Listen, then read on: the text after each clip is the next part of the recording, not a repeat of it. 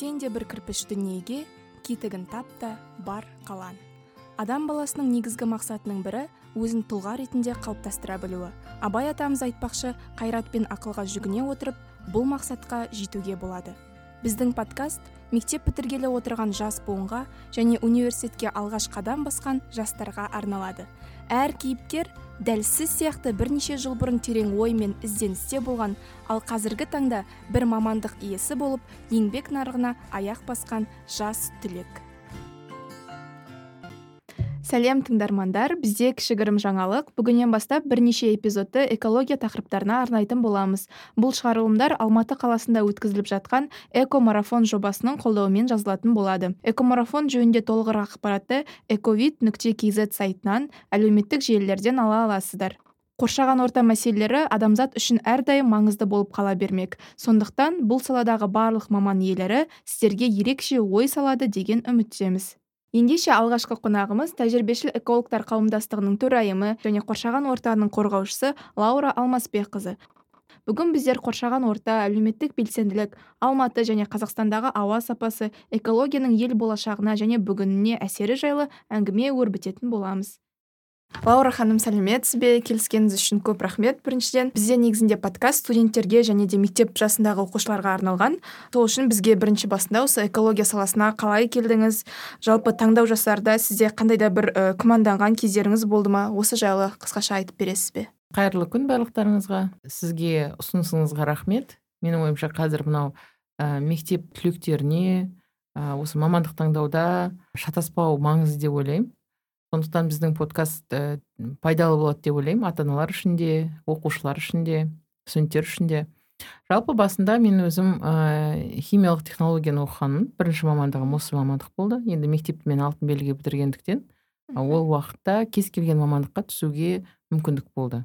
Өзім биология пәнінен ә, олимпиадаларға қатысқанмын көбінесе. Мектепті алтын белгіге бітіруіме байланысты химиялық технологияны таңдадым. Қазақ британ техникалық университетінде оқыдым бірінші мамандығым. Одан кейін бір жылдай өндірісте жұмыс жасадым өндірістік компанияларда. Сосын жаңағы швеция елінің эрасмус мундус деген ә, бағдарламасыны арқылы грантты ұтып алып сол елде ә, инженерлік экология бағыты бойынша ә, магистратураны оқыдым. Содан кейін елге қайта оралдық. Ә, елімізге оралғаннан кейін қайтадан өндірістік компанияларда мынау құрылыс мұнай газ саласы сосын уран өндіретін компанияларда сосын мынау ә, жол салатын компания халықаралық ұйымдардың консультациясы осындай істермен айналыстық.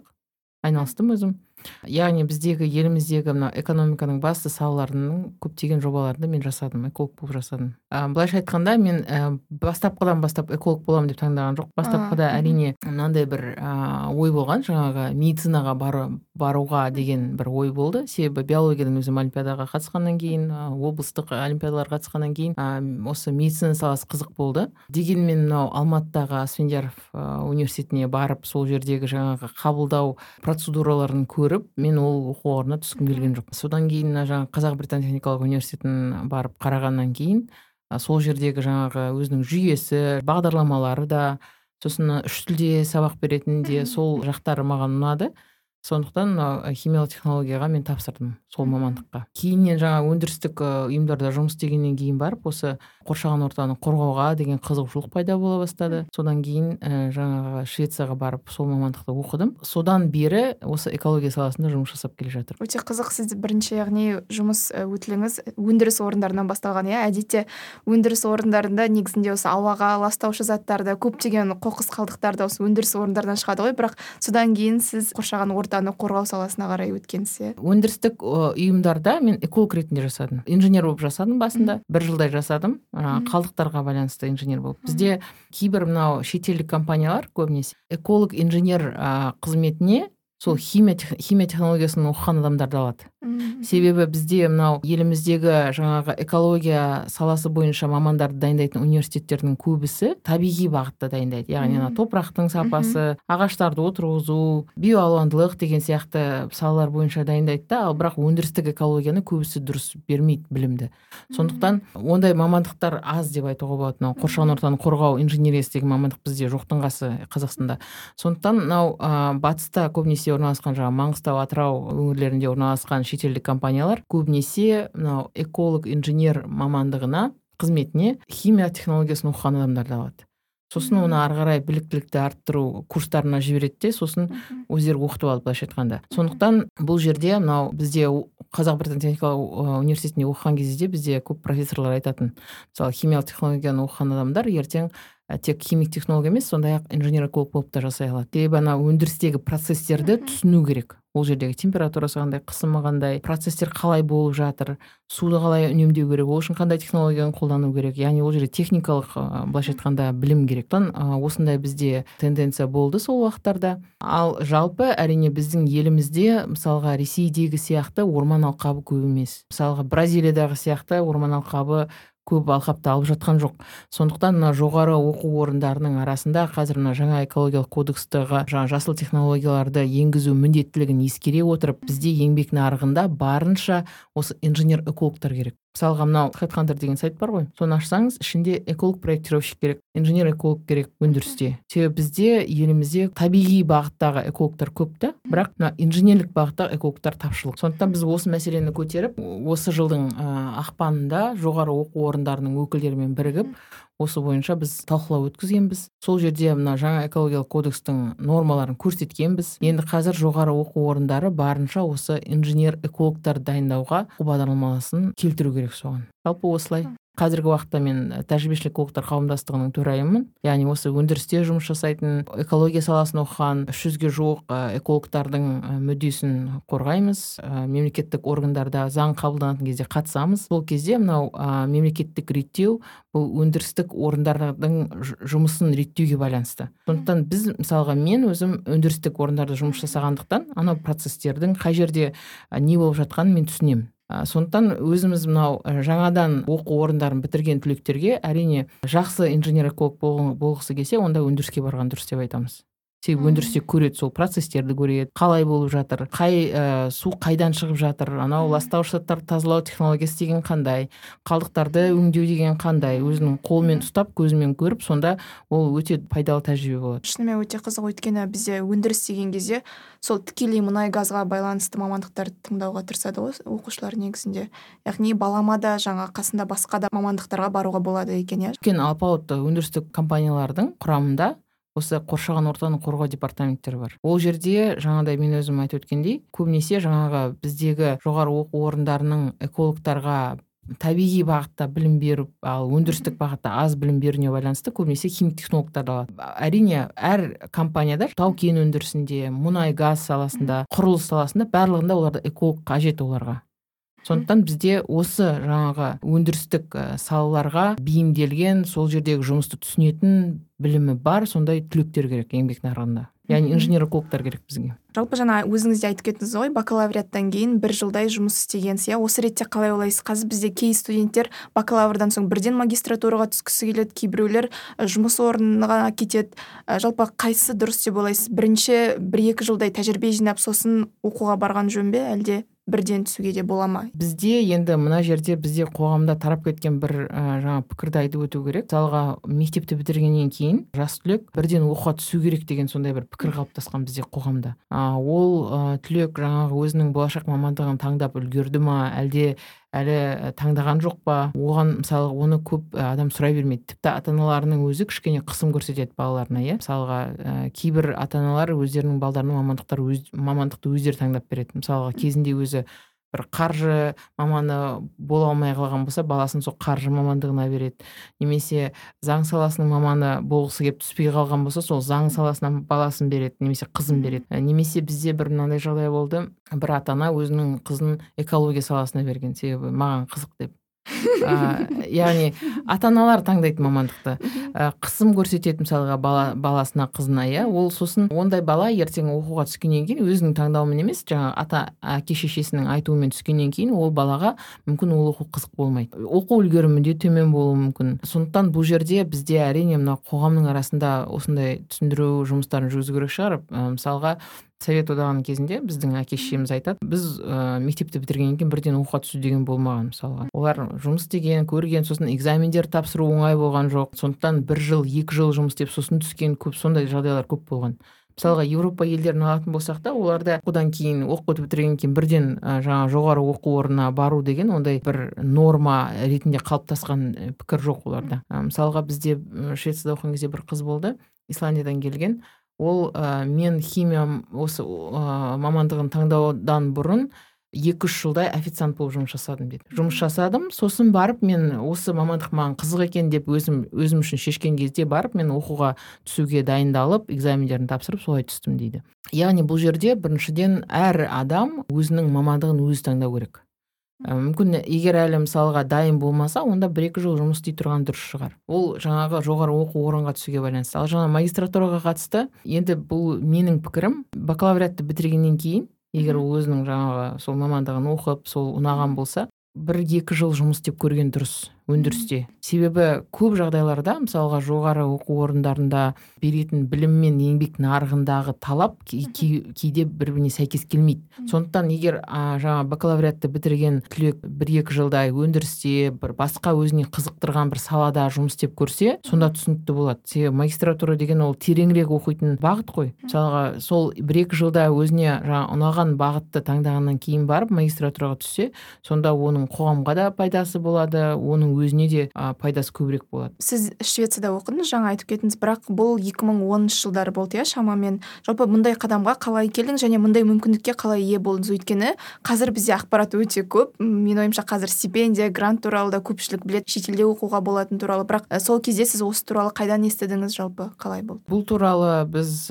хабарды осы қазақ британ техникалық университетінің сайтынан көрдік. Хабарлама болды. Осындай грантқа жаңағы құжаттар қабылданып жатыр деген. Сосын оның жаңағы талаптарын оқып сосын құжаттарымызды тапсырдық. Енді ол жерде ағылшын тілінде қосымша өткеннен кейін көп сабақтарды біз үшін ол қиын болған жоқ. Мына швециядағы ә, магистратура ағылшын тілінде болды. Құжаттары да талаптары да бәрі ағылшын тілінде болды. Құжаттарымызды тапсырдық айлтс тестін тапсырдық. Сонымен интервью болды.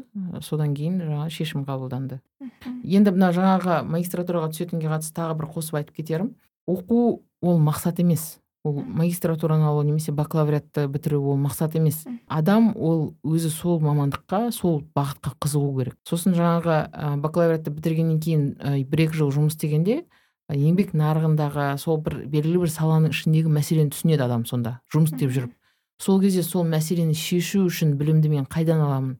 Қайда барамын деген кезде ары қарай магистратураны жалғастырып сол кезде білім алып сол кезде ана жаңағы сол саладағы мәселені шешуге өзінің үлесін қоса алады яғни бұл жерде бір мына жаңағы дәрежені алу мақсат болмау керек та. Мақсат ол сол салаға қызығу сол саланың ішіндегі мәселелерді анықтау білу содан кейін барып сол мәселені шешу үшін жаңағы ары қарай білім алуды жалғастыру. Жақсы. қазіргі кездегі жұмысыңызға келетін болсақ сіз қоғамдық әлеуметтік шараларға белсенді түрде қатысасыз. Қазақстанды экосауатты қоғамға айналдырып жатырған жандардың бірісіз деп айтсақ болатын шығармыз. Ә, осы ретте жалпы қазіргі таңда және болашақта бізде осы қоршаған орта саласына қандай мамандар керек болады? Және жаңа өзіңіз айтып кеттіңіз инженер эколог деп содан да бөлек тағы да қандай мамандар пайда болуы мүмкін? Өйткені қазір жасанды интеллект дейміз соның арқасында кейбір ә, қабілеттер кейбір біліктер керек емес дейді. Компьютер роботтар алмастырады деген сияқты қорқыныш та бар. Сол себептен осы сіздің салаңызда қандай мамандар пайда болуы мүмкін? Кімдер керек болады біздің нарыққа?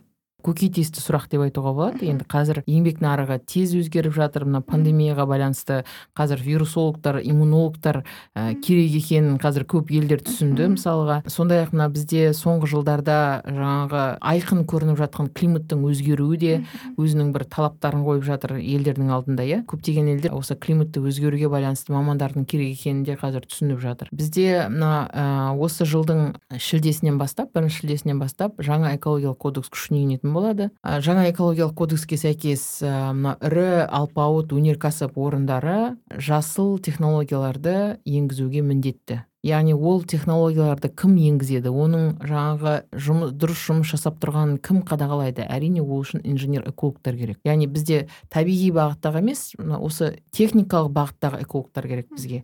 Бізде табиғи бағытта экологтарды көп дайындайды олар көп. Бірақ дегенмен бізде оншалықты орман алқабы жоқ. Ал бірақ өндірістік орындарда инженер экологтар тапшы қазірдің өзінде.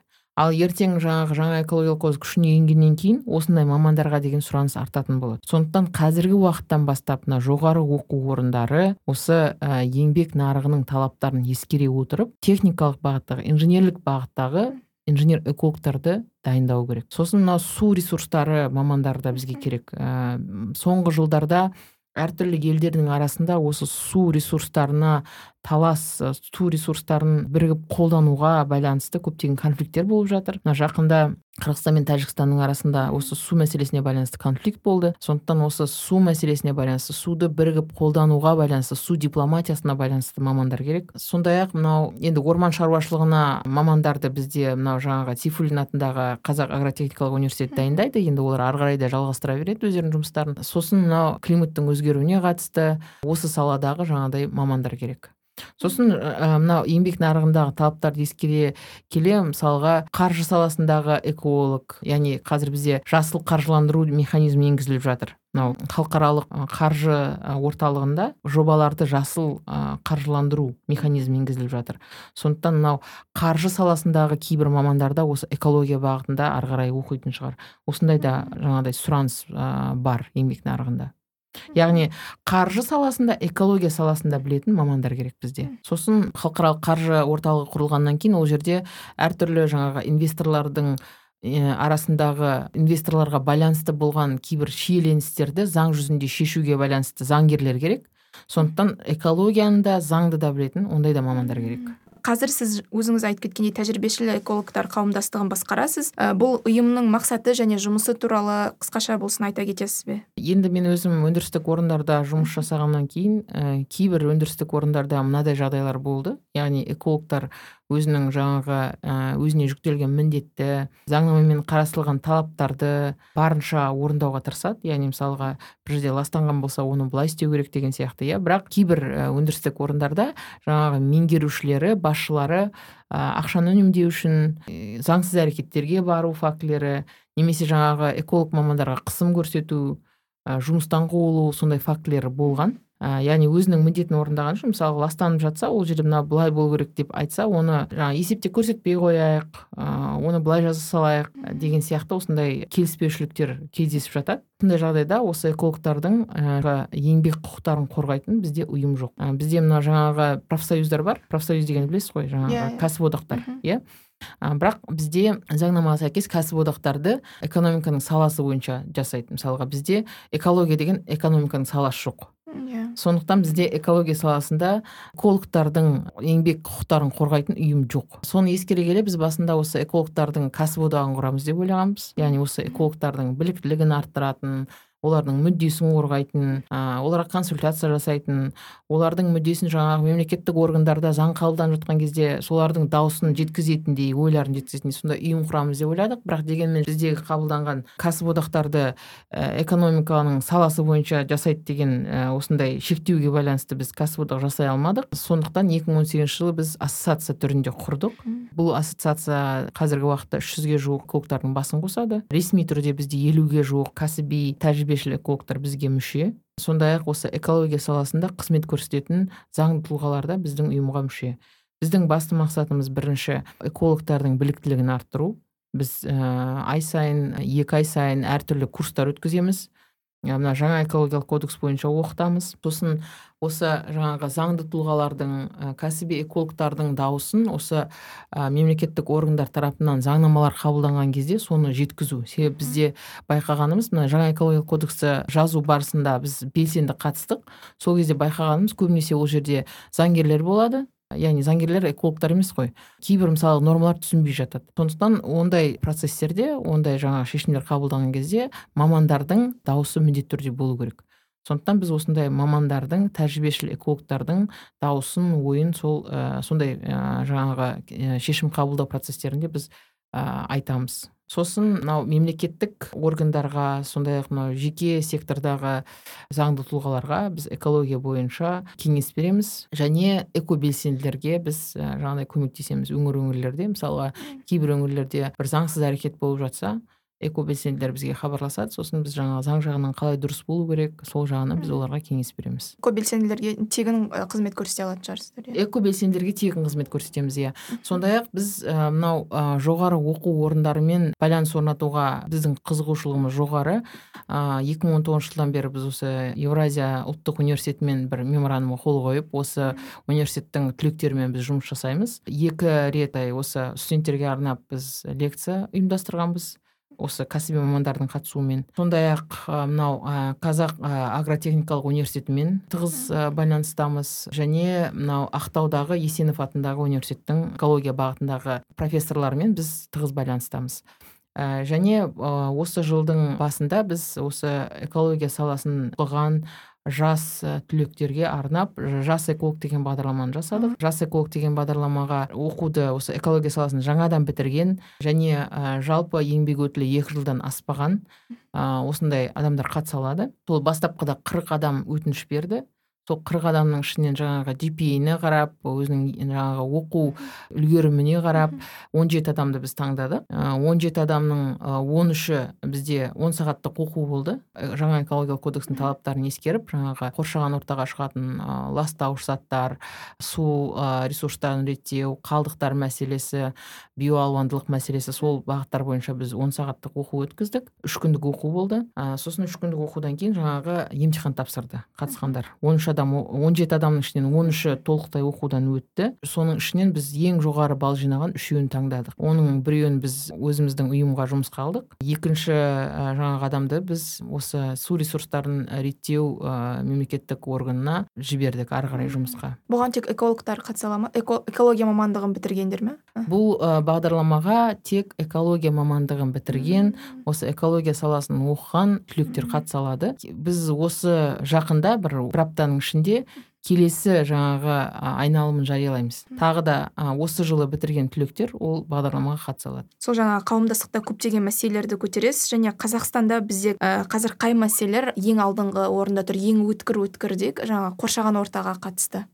Әрине ең бірінші мәселе бұл ауаның ластануы. Бәріміз тыныс аламыз. Мынау ыыы денсаулық сақтау министрлігінің ресми ақпаратына сәйкес ә, барлық тіркелген аурулардың алпыс пайызы ол тыныс алу жолдарының аурулары. Бұның бір себебі осы ауаның ластануы. Бұл жаңа өндірістік ұйымдардың ә, жұмысының әсерінен болып отыр. Және мынау бізде орталық солтүстік және шығыс өңірлерде көмір жағудан болып отыр. Бізде мынау жылыту қазандықтарында жалпы халықты жылумен қамтамасыз етуде көмір бұл ең лас энергия көзі болып саналады. Сондықтан бұл мәселені біз мына астанада екі мың он жетіде екі үш күн смог болған кезде өте белсенді түрде көтергенбіз. Сол кезде екі мың он сегізінші жылдың басында көмірден газға көшу керектігін айтқан болатынбыз. Ол ұсыныстарымыз бізде қабыл алынып сарыарқа магистральды газ құбыры салынды. Қызылордадан астанаға дейін газ алып келетін. Ә, оған қарағандыда сосын теміртауда қосылғалы отыр осы газ құбырына. Яғни көмірге көшетін болса бұл әрине әлде қайда ауаның сапасын жақсартады. Ә, яғни көмір жаққан кезде жаңағы қатты қалдықтар бөлінеді. Пм екі де бес пм он деген мысалға жылыту маусымында байқасаңыз сыртқа шықсаңыз кешкі уақыттарда кішкене сұр былай болып тұрады түсі. Сол жаңағы ә, қатты қалдықтар пм екі де бес пм он. Ол адамның тыныс алу жолдарына үлкен ә, кесірін тигізеді. Себебі ол өзінің бойына жаңағы бензопирен оксид ә, көміртек оксиді күкірт оксид деген сияқты заттарды өзінің бойына сіңіріп алуы мүмкін. Сосын ол өте ұсақ болғандықтан ол мысалы адамның өкпесіне альвеоласына түсіп әртүрлі аурулар туғызуы мүмкін. Сондықтан бізде бірінші кезекте әрине ауаның ластануымен күресуіміз керек. Сондай ақ мына кейбір ә, қалаларда атырау ақтөбе сияқты қалаларда жаңағы сарқынды қол жуатын үйден шығып жатқан ластауыш лас суларды тазалайтын жүйе жоқ. Бұл мәселе жаңағы қала ауасындағы күкірт көмір су, күкірт сутегінің концентрациясының жоғары болуына алып келеді. Сондықтан бұл жерде әрине кешенді түрде бұл мәселелерді шешу керек. Екінші мәселе бұл жаңағы су ресурстарының тапшылығы. Бізде трансшекаралық өзендер бар. Ә, ол жайық өзені ресейден бастауын алатын қытайдан бастауын алатын іле өзені өзбекстан жақтан келетін сырдария сондай өзендер. Бұл өзендерде судың мөлшері әсіресе мына жайық өзенінде жылдан жылға өте үлкен жылдамдықпен азайып бара жатыр. Ә, оның бір себебі ресей территориясында көптеген су қоймаларының салынуы және гидроэлектростанциялардың салынуы. Екінші себебі соңғы жылдардағы осы климаттың өзгеруі қуаңшылық жаңағыдай үлкен жылдамдықпен жүріп жатыр. Яғни жауын шашынның мөлшері аз түсіп жатыр. Сол себептен мына жайықтағы судың мөлшері едәуір азайып жатыр. Бұл мәселені әрине су дипломатиясы арқылы шешу керек. Бізде ресеймен өкінішке орай әлі де бұл мәселе шешімін таппай отыр. Енді мына қырғызстан және өзбекстан елдерімен ә, су дипломатиясы бойынша енді біраз жетістіктер бар. Олар енді жаңағы сол жерде бастан алатын өзендердің біраз бөлігін жаңағы қазақстан территориясына жіберіп тұруға келіскен. Бірақ ресеймен әлі келісім жоқ. Сондай ақ мынау қытай тарапынан да іле өзеніне қатысты ә, ешқандай оң өзгеріс әлі көріп тұрған жоқпыз. Сондай ақ мынау су ресурстарына қатысты әрине мына ә, агроөнеркәсіпте сосын мына өндірістік орындарда суды пайдалануды қарап инвентаризация жасап соны барынша азайтуға тырысу керек. Сосын қалдықтар мәселесі. Бізде мынау көптеген өнеркәсіп қалдықтары сақталған қоймалар бар. Сосын мына уран қалдықтары сақталған қошқарата қоймасы бар маңғыстау облысында. Ақмола облысындағы ақсу ә, ауылының жанында да осындай радиациялық қалдықтар сақталған қоймалар бар. Яғни аспан астында ашық жатқан. Ә, сондай ақ мына полигондар мәселесі коммуналдық қалдықтардың полигондар мәселесі үш мыңға жуық ресми полигон бар. Оның 18 пайызы ғана санитарлық талаптарға сай. Яғни басқаларының гидроизоляциялық жаңағы қабаты жоқ. Ол жердегі қалдықтар сосын бізде бір байқағанымыз кейбір полигондарда қалдықты ашық түрде жағып жатады. Ол заңсыз және ол халықтың денсаулығына үлкен нұқсан келтіруі мүмкін. Сондықтан осындай мәселелер бар. Бұл жерде барынша ағарту жұмыстарын жүргізу керек және жауапкершілікке тарту керек. Сондай заңсыз әрекеттер істеген заңды тұлғаларды сосын мынау полигондардың жағдайын барынша санитарлық талаптарға сәйкестендіру бойынша бір бағдарлама болу керек және қаржыландыру болу керек. Сосын мынау қаптама қалдықтарына қатысты бізде депозитті қайтарым жүйесін енгізу керек яғни фондоматтар иә, иә, иә. жаңа экологиялық кодексті жасаған кезде біз осындай нормалар болған ол нормалар біз қолдағанбыз дегенмен нормаларды қателеспесем экология министрлігі тарапынан алынып тасталды. Енді қазір фандоматтарды орната бастады. Енді олар түсініп отыр енді сондай норманың керек екенін. Ә, мүмкін ә, алдағы уақытта бөлек ә, заңнама қабылданатын шығар осы ә, депозитті қайтарым жүйесіне байланысты. Сосын мынау биоалуандылық мәселесі жасыл желектердің заңсыз кесілу мәселесі бұл жерде әрине қоғамдық қадағалау болу керек және осындай заң бұзушылықты жіберген жеке және заңды тұлғаларды жауапкершілікке тарту керек міндетті түрде. Яғни бұл жерде ә, жаңа ақпараттық ағарту жұмыстарының рөлі үлкен. Сонымен қатар осындай мәселелерді шешуде азаматтық қоғамның рөлі бар ма? Азаматтық қоғам не істей алады жалпы? Не істеу керек? Қазір енді байқасаңыз ә, екінші президент өзінің қызметіне келгеннен кейін осы мемлекеттік органдардағы қызметкерлердің санын азайту бойынша сосын мына бизнестегі мемлекеттің үлесін азайту бойынша осындай ұсыныстарды айтты. Мына кейбір өңірлерде экология департаменттерінде инспекторлар қысқарады деп жатыр. Сондай ақ мына табиғи ресурстарды қорғау басқармаларында әкімдік жанындағы қызметкерлер қысқарады деген осындай ақпарат тарап жатыр. Яғни бұлар егер мына ә, экология департаменттеріндегі инспекторлар қысқаратын болса әрине бұл жерде бұл жүктемені азаматтық қоғам алатын шығар. Яғни жаңағы бақылау өнеркәсіптердің жұмысын қарау егер мысалға заң бұзушылық болса оны бейнетаспаға түсіріп ә, жариялау бұл жерде азаматтық қоғамның рөлі өте үлкен. Сосын тағы бір айта кететін нәрсе мынау кейбір ә, өнеркәсіп үлкен өнеркәсіп орындары мемлекеттік органның қызметкерлеріне ә, қысым көрсетуі мүмкін да. Олардың қысым көрсеткенде қалай? Үстіңнен шағым түсіреміз немесе тағы да басқа деген сияқты. Ондай да жағдайлар кездесіп жатады. Ә, сондықтан бұл жерде жаңа азаматтық қоғамның қолдауы азаматтық қоғамның қатысуы өте маңызды. Сондай ақ мына осы экология саласындағы ә, экологиялық қадағалау мемлекеттік экологиялық қадағалау барысындағы коррупцияны ә, болдырмау үшін де мына экобелсенділердің осындай ә, тексерістер жүргізген кезде қатысуы азаматтық қоғамның қатысуы өте маңызды. Ең бірінші мәселе ретінде ауа ластануы туралы айттыңыз ғой мен өзім алматыда тұрдым төрт жыл оқыдым. Шынымен де алматыда мысалға тауды да күн сайын көре алмайсың тек тауға барған кезде немесе аспан ашық кездері болмаса. Яғни сол кезде сосын тағы да мен жылу электростанциясында жұмыс істейтін бір адаммен де бір пікірталасқа келіп қалдық. Ә, алматының ауа, ауаның ластануына ең бірінші ретте сол жаңағы жэо жылу электр орталықтары әсер ете ме? Әлде автокөліктерден шығатын ә, зиянды заттар әсер ете ме? Сол кезде олар айтады біздер бір зерттеу жасадық өзіміз және сол бойынша автокөліктердің зияны көбірек дейді. Мен айтамын жоқ олай емес. Мен ғылыми мақалаларды оқыдым. Онда сол жаңағы мына жэолардың үлесі көп екені жазылып тұр деймін. Сол кезде яғни бір сондай пікірталас болды. Эколог ретінде бұл қалай? Енді мынау алматыдағы болып жатқан мәселеге қатысты ондай жаңағы талқылау қызу пікірталас екі мың он сегізінші жылда астанада болған. Яғни жылу қазандықтары ә, көп ластап жатыр ма әлде транспорт ластап жатыр ма деген сияқты. Сол кезде біз бірден айтқан болатынбыз. Мынау транспорттан шығатын ластауыш заттарды нақты есептеу үшін әр осы қаланың ішінде жүрген транспорттың күн сайын бір жыл бойы қанша жағар май жаққаны қандай жылдамдықпен жүргені оның катализаторы бар ма жоқ па жаңағы жағармайдың түрі соның барлығын білу керек. Бізде мысалы астанада үш жүз мың төрт жүз мыңға жуық авто тіркелген болса соның бәрін мысалға білу ол мүмкін емес нәрсе. Сондай ақ ол жаңағы автодан шығатын ластауыш заттардың концентрациясы автоның жылдамдығына да байланысты. Мысалға жылдамдық көбейген сайын азот оксидтерінің концентрациясы көбейеді. Сондықтан бұл ә, жаңағы шығатын ластауыш заттарды нақты есептеу мүмкін емес нәрсе. Ә, осыны ескере келе жаңағы көптеген зерттеулерде келтірілген автодан шығатын ластауыш заттар деген ол ә, жаңағы орта есеппен есептеле салған өте ә, нақты ә, емес осындай ақпарат. Ол бір ә, екіншіден ә, біз ластауыш заттарды заттар туралы жалпы ауаның ластануы туралы айтқан кезде ә, энергия тасымалдаушының ә, түрлерін салыстыруымыз керек. Яғни көмірді бензинмен және дизельмен салыстырамыз. Және газбен иә? Мысалға автотранспорт ол бензин дизельмен жүреді. Біздегі автотранспорттардың сексенге жуық пайызы ә, бензинмен жүреді. Яғни бензинді жаққанда және көмірді жаққандағы ластауыш заттардың түрлері әртүрлі. Ә, мысалға бензинді жаққан кезде жаңағы пм екі де бес пм он деген ондай шықпайды. Ал көмірді жаққан кезде ондай ластауыш заттар шығады. Және оны біз мына жылыту маусымында көзімізбен көреміз. Жаңағыдай сұр түтін болып тұратын осы пм екі де бес пм он деген ластауыш заттар. Сондықтан бұл жерде пікірталастың өзі орынсыз. Кім көбірек ластайды деген. Ал жаңағы зерттеулерге келетін болсақ олар жалпы бәрін есептегенде тоннамен есептей салған. Азот оксидін есептеген күкірт оксидін бәрін қоса салғанда тоннамен есептей салған. Сосын мынаның тоннасы анаған қарағанда аз.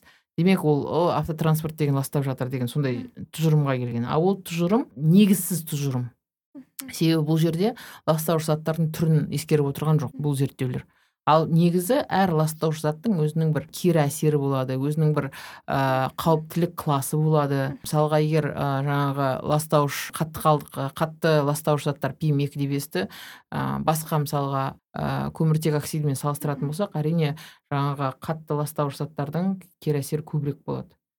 Сондықтан бұл жерде бірінші кезекте ластауыш заттың түріне қарау керек. Ол қандай зат? Ол күкірт оксиді ма? Ол әлде пм екі де бес па ол әлде ә, көміртек оксиді ма? Соған байланысты анықтау керек. Ал жалпы жаңағыдай автотранспорттан шығатын жаңағы ластауыш заттардың тоннасы көп екен деп ол ол ә, жаңағы әдіс мүлдем дұрыс емес. Ә, мынау ә, европа елдерін алатын болсақ олар кезінде осы ә, таза ауа жаңағы қозғалыстар басталған кезде мың тоғыз жүз жетпісінші жылдардан бастап оларда осындай үлкен қозғалыстар болды. Таза ауа таза су деген. Сол кездерде олар осы ауаның ластануын шешу үшін бірінші стационарлық көздерден бастаған. Яғни жаңағы үлкен алпауыт зауыттардан яғни оның ішіндегі көмірді газға ауыстыру тағы да басқа жасыл технологияларды пайдалану арқылы олар осылайша ауаның сапасын әлдеқайда жақсартты. Ал егер мына автотранспортқа келетін болсақ бұл жерде әрине бірінші техникалық байқауды өткізуге қатысты ә, бізде жауапкершілік болу керек. Екі мың он бірінші жылдан бастап бұл техникалық байқауды мемлекеттік ұйымдардан жеке секторға беріп тастады осыны.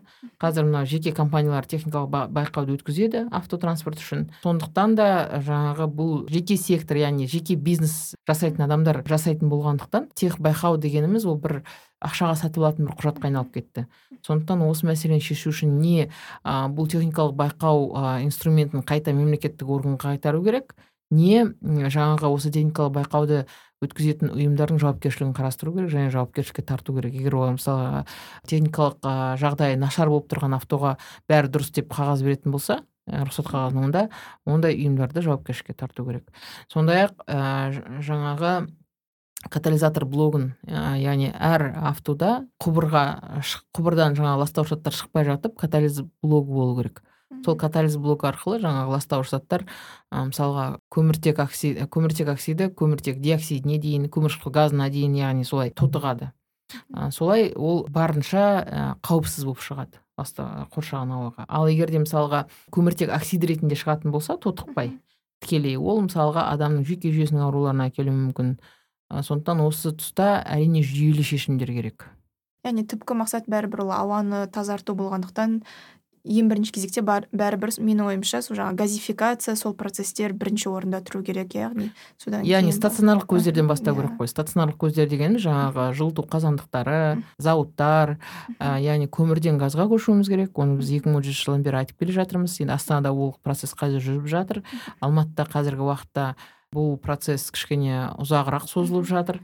Ә, енді мына алматыдағы жылыту қазандықтарын ә, газға көшіруге қатысты. Кейбір мамандар газдың жеткілікті мөлшері егер болмай қалса қала жаңағы жылусыз отырмау үшін газға құрылғыларын ә, сол ә, жылыту қазандығының жанынан салу керек деген ұсыныс айтып жатыр. Ол ұсыныс орынды. Себебі ертең мысалға белгілі бір жағдайға байланысты газ мысалға тапшы болып қалса көмірді ә, жаға тұратындай осындай бір резервтік әдіс болу керек. Бірақ жалпы әрине алматы қаласының жаңа географиялық орналасуын ескере келе жаңағы таулы жерде орналасқан иә соның бәрін ескере келе әрине алматыда барынша қатаң экологиялық талаптар болу керек. Және барынша жаңағы таза энергия көздерін қолдануға бет бұру керек. Яғни біздегі осы ә, жылыту жүйесіндегі ә, ең таза жағармай ә, энергия көзі бұл газ. Иә қателеспесем ә, тэц екіні бізде 2025-ке дейін ба 2025 жылдары сол газға ауыстыратын жоспар бар. Білмеймін ол қалай жүзеге асып жатқанын бірақ сондай оқығанмын. Иә ондай жоспар бар. Енді ол жоспарды қазір қаншалықты жаңағыдай қалай жасау керек жанынан салу керек па соның бәрін жаңағы әртүрлі саланың мамандарымен келісіп жасау керек. Ә, сосын жаңа жиырма бесінші жылға дейін деген енді кішкене ұзағырақ сияқты үш жыл ә, мысалға астанада екі мың он сегізден бастап сала бастады екі мың он тоғыздан бастап екі мың он тоғыздың соңынан бастап қоса бастады. Сондықтан үш жыл деген меніңше алматы үшін ол ұзақ ә, мерзім.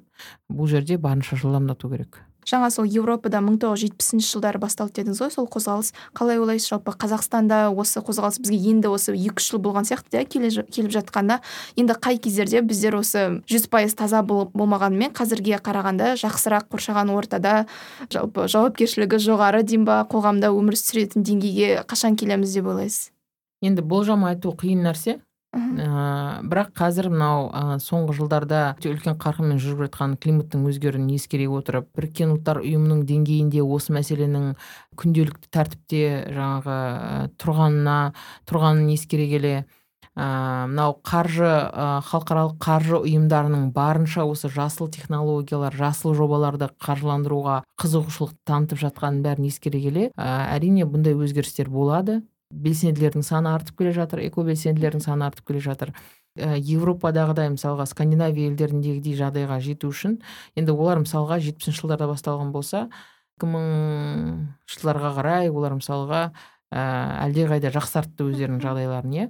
Жиырма жылға жиырма бес жылға қарай уақыт кетті оларға иә мысалға. А бірақ қазіргі уақытта мынау ақпарат заманында бізде қазір әлеуметтік желілер заманында онлайн ә, технологиялар заманында бұндай жетістіктерге қысқа уақыт ішінде жетуге болады. Ол үшін әрине біріншіден жоспар болу керек.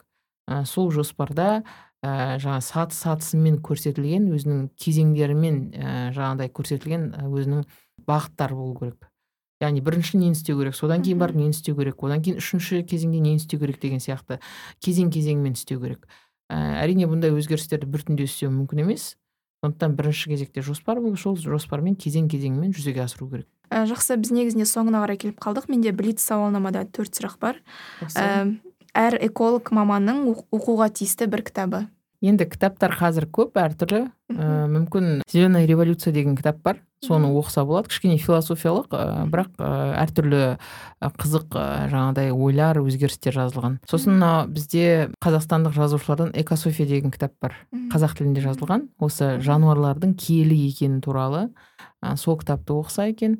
Сосын ә, мынау марк эпштейн деген ә, американдық жазушының making sustainability work деген ағылшынша кітабы бар. Яғни бұл әртүрлі кәсіп орындардағы солардың экологиялық жауапкершілігі экологиялық тиімділігі жайлы.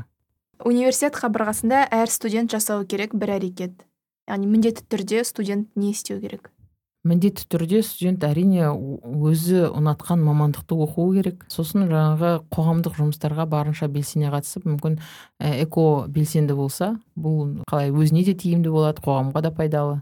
Оныншы он бірінші сыныпта оқитын ә, лаураға өзіңізге қандай кеңес берер едіңіз? Қызық сұрақ екен. Қандай кеңес?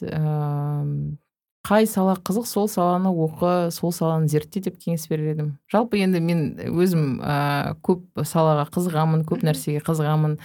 Түрлі салаларды зерттеймін әртүрлі мәселелерді зерттеймін. Кітаптарды мысалға қарап отырамын қандай кітаптар шығып жатыр кім не туралы жазып жатыр деген сияқты. Сондықтан ә, бұл кеңесті өзім жүзеге асырып жүрмін. Сондықтан осындай кеңес беретін едім. аха жақсы. Егер жиырма төрт сағатқа қосымша тағы да төрт сағат берілсе немен шұғылданар едіңіз? Яғни тағы да жасағыңыз келетін нәрселер бар ма? Ә, енді айта берсек бұл қазір экология саласында әсіресе қазақстанда қазір мынау жаңа экологиялық кодекстің қабылдануына байланысты мына әлемде болып жатқан әртүрлі мәселелерге байланысты осы экология саласындағы мәселелер көп. Көп нәрсені жасағымыз келеді әрине. Тағы да төрт сағат берсе мүмкін мен мынау ә, жоғары оқу орындарының студенттеріне қосымша бір лекциялар оқыр едім. Мүмкін бір кітап жазар ма едім лаура ханым әңгімеңізге көп рахмет. Бізде эпизод соңына келдік. Бірақ енді соңында мүмкін жастарға жалпы жасөспірімдерге айтар бір тілегіңіз болса ә, айтсаңыз болады. Әрине бұл кеңес беру қиын нәрсе. Бірақ кез келген жағдайда да адам ә, жаңа өзінің ішінен қандай мамандық ұнайды не істегісі келеді соны таңдаған дұрыс. Кейде мысалға жастардың арасында мынандай кездесіп жатады өзіне өзіне, өзіне деген сенімсіздік иә? Өзіне деген сенім жоқ болады мысалға. Түсе аламын ба түсе алмаймын ба оны мен игеріп кете аламын ба деген сияқты осындай сенімсіздік болады кейбір жасөспірімдердің арасында иә? Осы кезде айтқым келеді өмірде барлығы болуы мүмкін. Ешқандай шектеу жоқ. Адамның өзіне байланысты көп нәрсе. егер адам оқып ары қарай жаңағыдай талпынса ол өзінің мақсатына жетеді. Жақсы көп рахмет. Қазақстанда менің ойымша бізде грант ең бірінші орында тұрады мамандық таңдайтын кезде егер ә, так мен мына мамандық таңдасам қанша грант бөлінген мынаны түсуімнің ықтималдығы қандай? Егер грант аз болса жоқ онда мына мамандық таңдай салайын деген сияқты ойлар да бар бұны өз көзіммен көргем. Ә, жалпы осы біздің подкасттың мақсаты ең бірінші оқушылар грантқа немесе қалай сондай престижный нәрселерді емес өздері қалайтын нәрсені таңдаса екен деген ой тек қана осыны жеткізгіміз келеді негізінде. Жақсы енді осыған байланысты мынау менің экология саласында жұмыс жасап жүрген кездерімде кейбір ата аналар маған айтатын енді ол кезде ақысы жақсы болды төленетін маған. Сосын жаңағыдай ә, шетелдерге барып тұратынмын. Ә, сондықтан соны көре олар мен де қызымды немесе мен де ұлымды осы салаға бергім келеді ә, деп айтатын кездері болған. Ә, сондай кездерге сондай ата аналарға айтарым ол ә, мамандыққа байланысты емес ол адамға байланысты. Мысалға мамандықтың жаңағыдай ыыы қалай қалайша айтсақ былай қызығушылық ыыы тудыруы ол адамға байланысты сол салада істейтін мамандарға байланысты. Ә, сондықтан бірінші ана жаңағы баланың немесе қыздың өзінің қабілетіне қарау керек. Ол баланың неге икемі бар неге қызығушылығы бар ол өзі неге қызығады? Ал жаңағы престижный непрестижный деген анау непрестижный деген салалардың өзінде де мысалға жақсы табыс тауып жақсы маман болып жүрген адамдарды көреміз. Ол адамның өзінің жаңағы қабілетіне қызығушылығына байланысты. Адамда мысалға сурет салуға қызығушылық болса мүмкін суретшіге берген дұрыс шығар. Себебі сурет салып та мысалға өзіне нан тауып жүрген сондай адамдар бар иә. Сосын медицина саласында да көбісі жаңа айтады ә, медицина саласында жалақы аз деп. Бірақ қабілеті бар білімі бар еңбек өтілі үлкен бар осындай мамандар қазіргі уақытта үлкен жалақы алады. Сондықтан бұл ә, адамның қабілетіне байланысты бірінші кезекте. Адамның қабілеті өзінің қызығушылығы сол мамандыққа деген өзінің бір қызығушылығы болса ол кез келген мамандықты игеріп жаңа кез келген мамандықта яғни өзінің өзіне ұнаған мамандықта өзіне керекті жаңағы қаражатты таба алады. Грантқа түсемін дегенге байланысты ол мамандық деген өмірлікке болатын нәрсе ғой. Ә, мысалға әр кезде де оқи бермейді ғой мысалға адамның өзінің бір белгілі бір білімді алатын өзінің бір жасы болады иә? Сол уақытта мысалға мамандықты дұрыс таңдау өте маңызды сосын бізде менің білуімше грантты тек бір рет қана береді.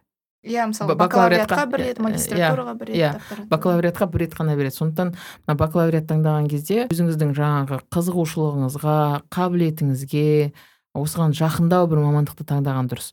Сосын барып ары қарай егер мысалы бір екі жыл жұмыс істеп ары қарай оның қай бағыты көбірек ұнайтынын өзіңіз сосын жаңағыдай біліп магистратураға баруға болады. Бұл жерде бірінші кезекте грант емес. Егер мысалы бұл жыл грантқа түспей қалса келесі жылы дайындалып түссін онда себебі бірінші орында мамандық тұру керек. Ұнаған мамандығы тұру керек. Грант емес. Жақсы көп рахмет. Сізге де рахмет. Достар эпизодты тыңдағандарыңыз үшін көп рахмет. Өзіңізге қажетті ақпаратты алдыңыз деген үміттеміз. Сіздерге айтар тағы бір кішігірім жаңалық. Алматы қаласындағы экомарафон аясында эко идеялар конкурсы өтіп жатыр. Қоршаған ортаны экологияны тазартуға қатысты қандай да бір идеяңыз бар болса эковид сайтынан толық ақпарат алып өтінім берсеңіз болады.